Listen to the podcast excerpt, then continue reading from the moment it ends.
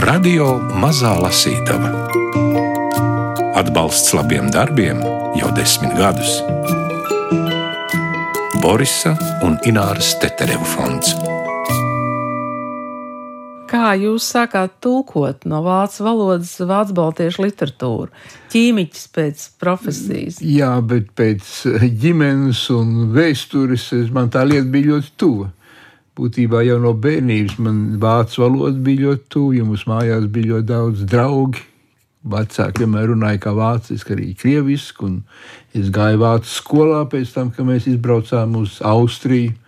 Pēc tam es uzaugu Venecijā, tur man ļoti daudz vācu draugu bija. Tā kā man vienmēr vācu valoda bijusi tā kā otrā mājas valoda.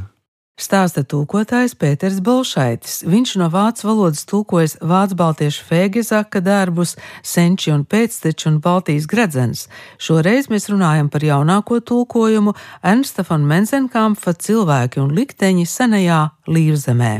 Turklāt, īpaši sākot ar Fēgezaku, kas man tā iekustināja šī lietā, kad es viņa grāmatas atklāju, es atklāju, ka viņš ir mans novadnieks. Unguru mūži pavisam netālu no manas vecāta straupas dzirnavām, un tā visas tās pārējās Fēgezaku mūžas. Un vispār viņa apraksts man ļoti patika, un tas bija kaut kad 60. gadu vidū, apmēram 65. gadā, kad es viņa abas grāmatas, tās lielās grāmatas, senču un pēcteču un baltiešu gredzens atklāju. Un kopš tā laika es biju apņēmies, ka tās ir jāpārtulko latviešu valodā.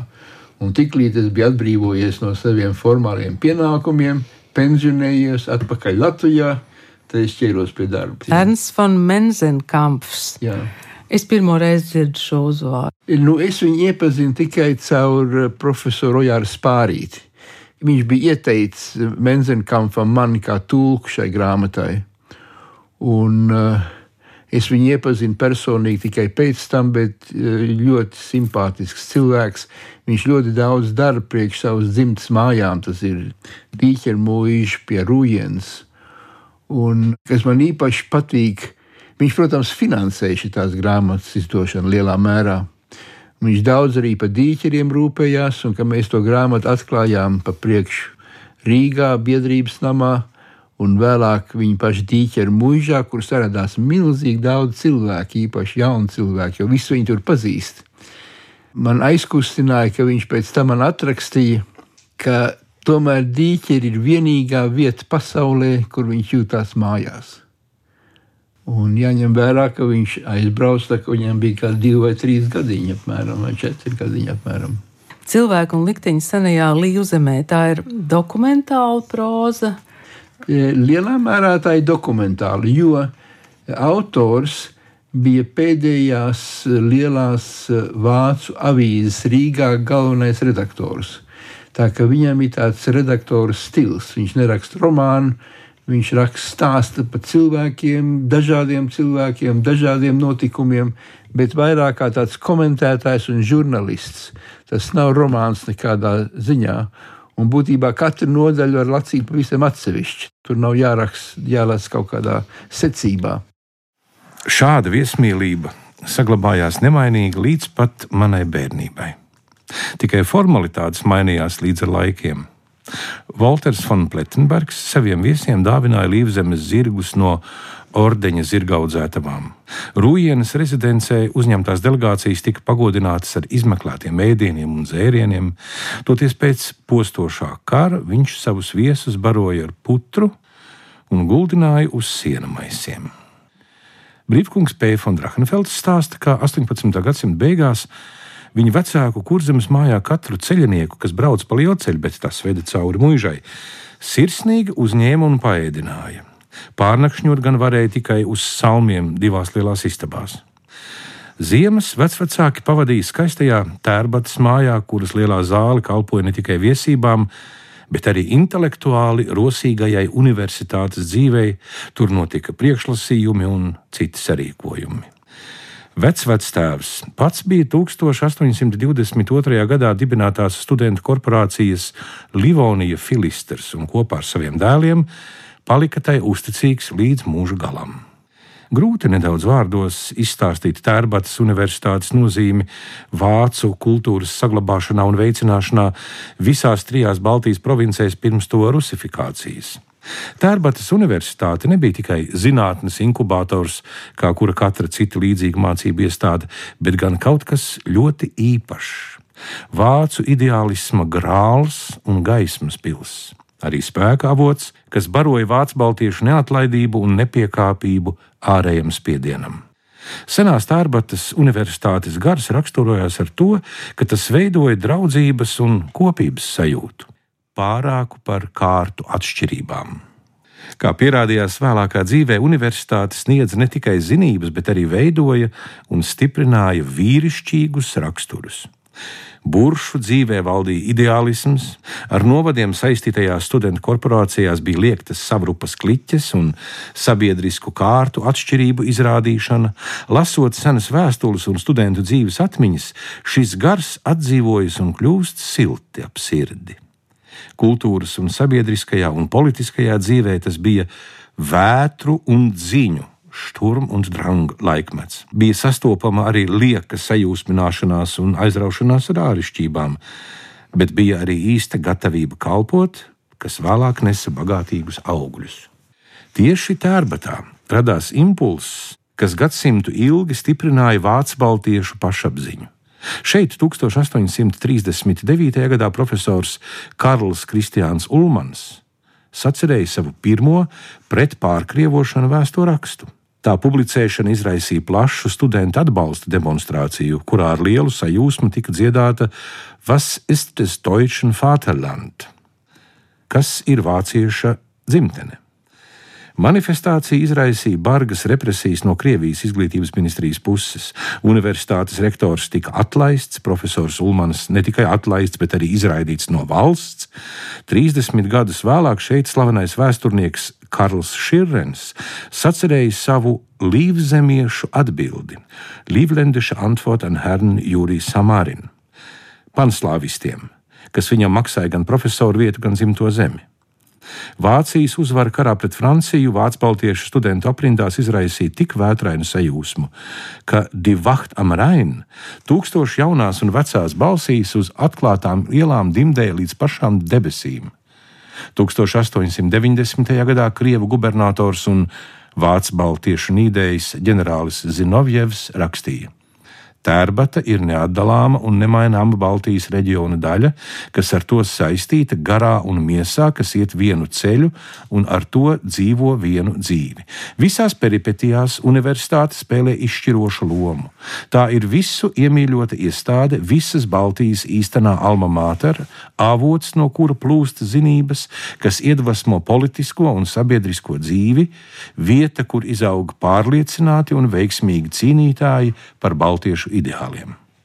Tas krasi mainījās panslāvistu rosinātās pārkrievošanas rezultātā, kas 19. gadsimta 90. gados universitātei atņēma reģionālās rakstura īpašības un sistemātiski apslāpēja tās vācisko garu. Pārkrievošana drīz izpaudās būtiskā kultūras dzīves saplakšanā. Rezultātā radās liela izglītības līmeņa starpība starp manu vectēvu paudzi un vēlākajām par sliktu šīm pēdējām Nemazāk manāma bija starpība audzināšanā. Studentu sadzīve saplaka, ārējās formas pārmāca saturu. Tālēn izsakoties, sadzīvē ieviesās šampanietis pēdiņās.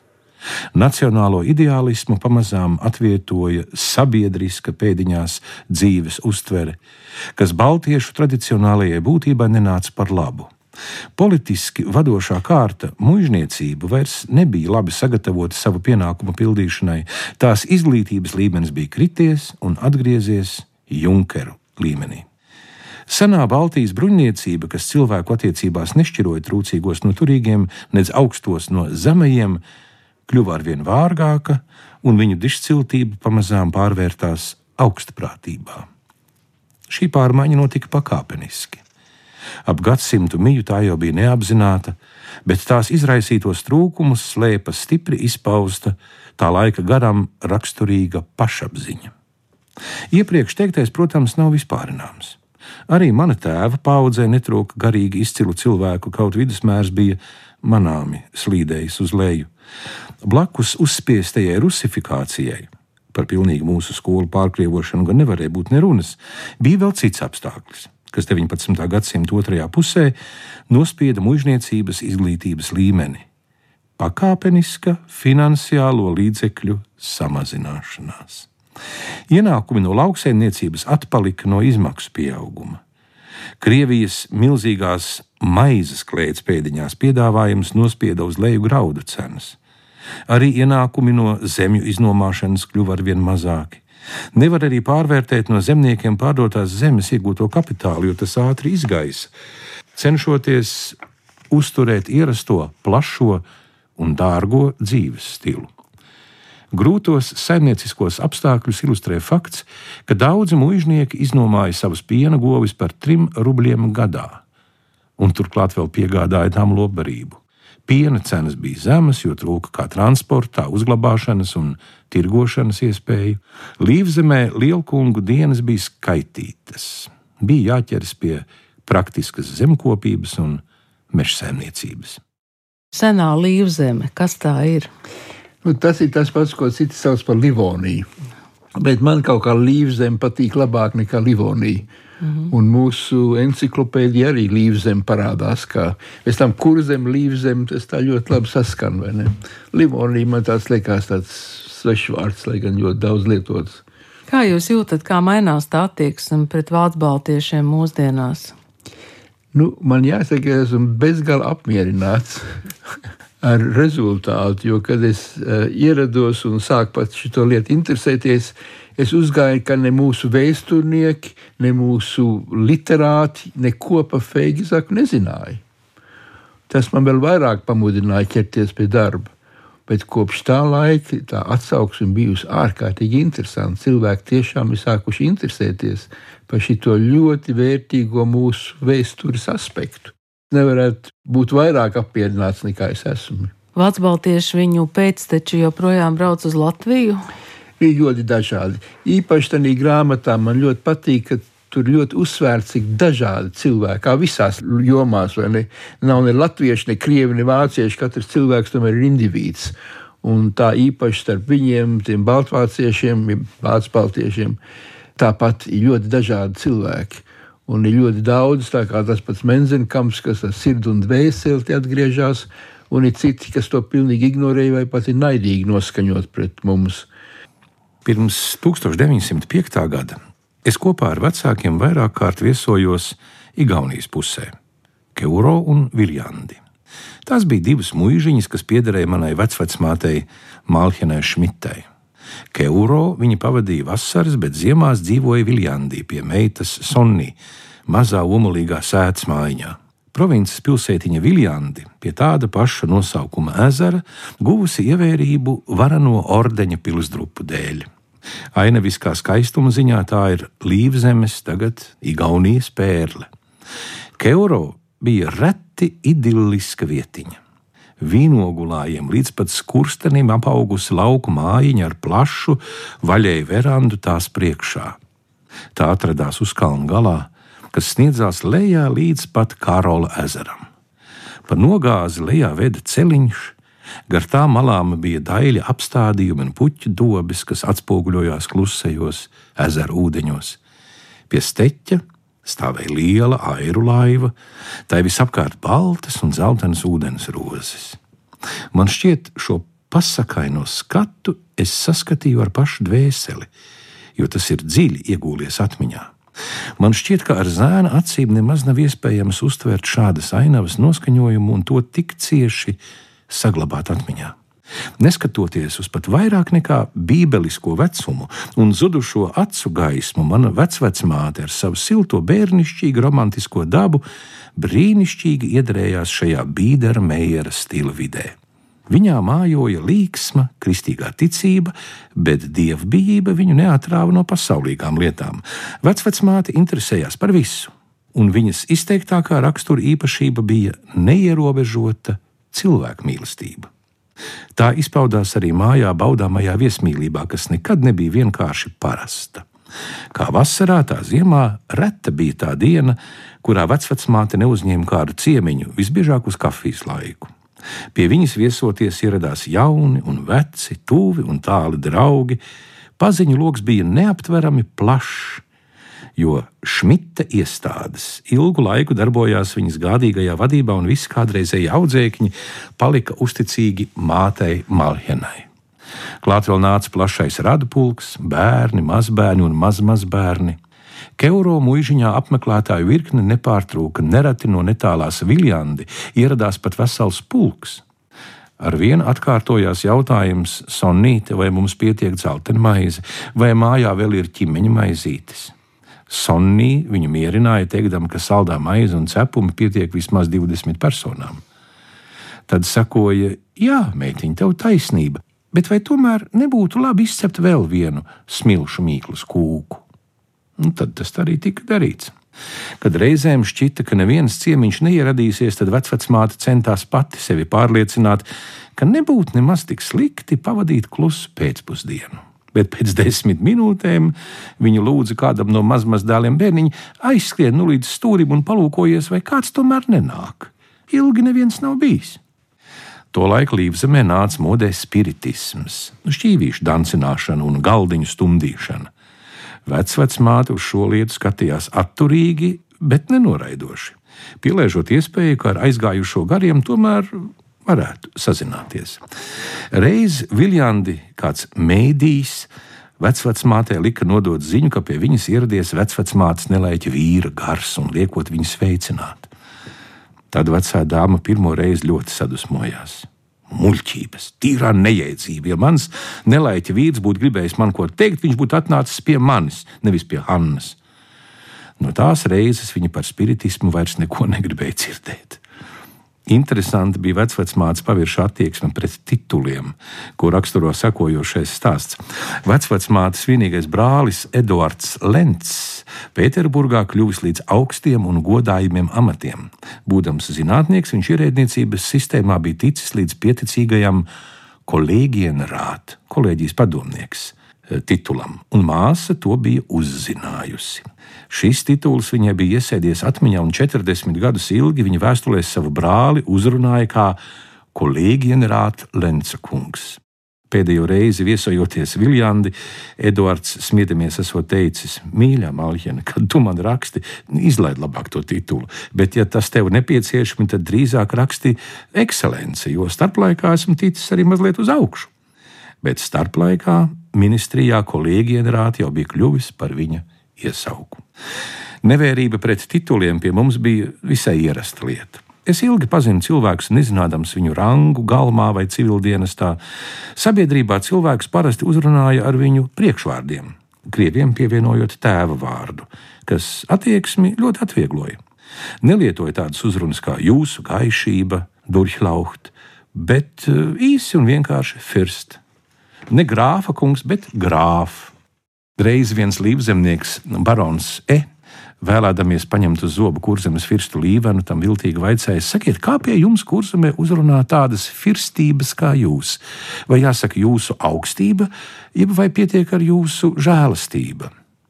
Bet viņš bija izvēlējies nepareizo upuri, jo līvens atcirta: Redziet, mīļais baron, draugi mani uzrunā priekšvārdā, paziņas mani dēvē par firstu bet jums un kalpotājiem es, protams, esmu gaišība. Tam sekoja aicinājums uz dueli. Es domāju, ka tas ir drusku arī saistīts tieši ar Baltiju. Man liekas, ka tie baltieši, baltieši vidū viņiem šī lieta ir tā kā tāda tradīcija. Mm -hmm. Lai gan, protams, ne jau viss no viņiem ir foni. Tie foni jau ir skaitliski samērā maz. Ja mēs skatāmies uz visiem tiem baltvāciešiem, pāris procenti varbūt ir tādi foni. Bet nu, viņi tā izceļas ar to.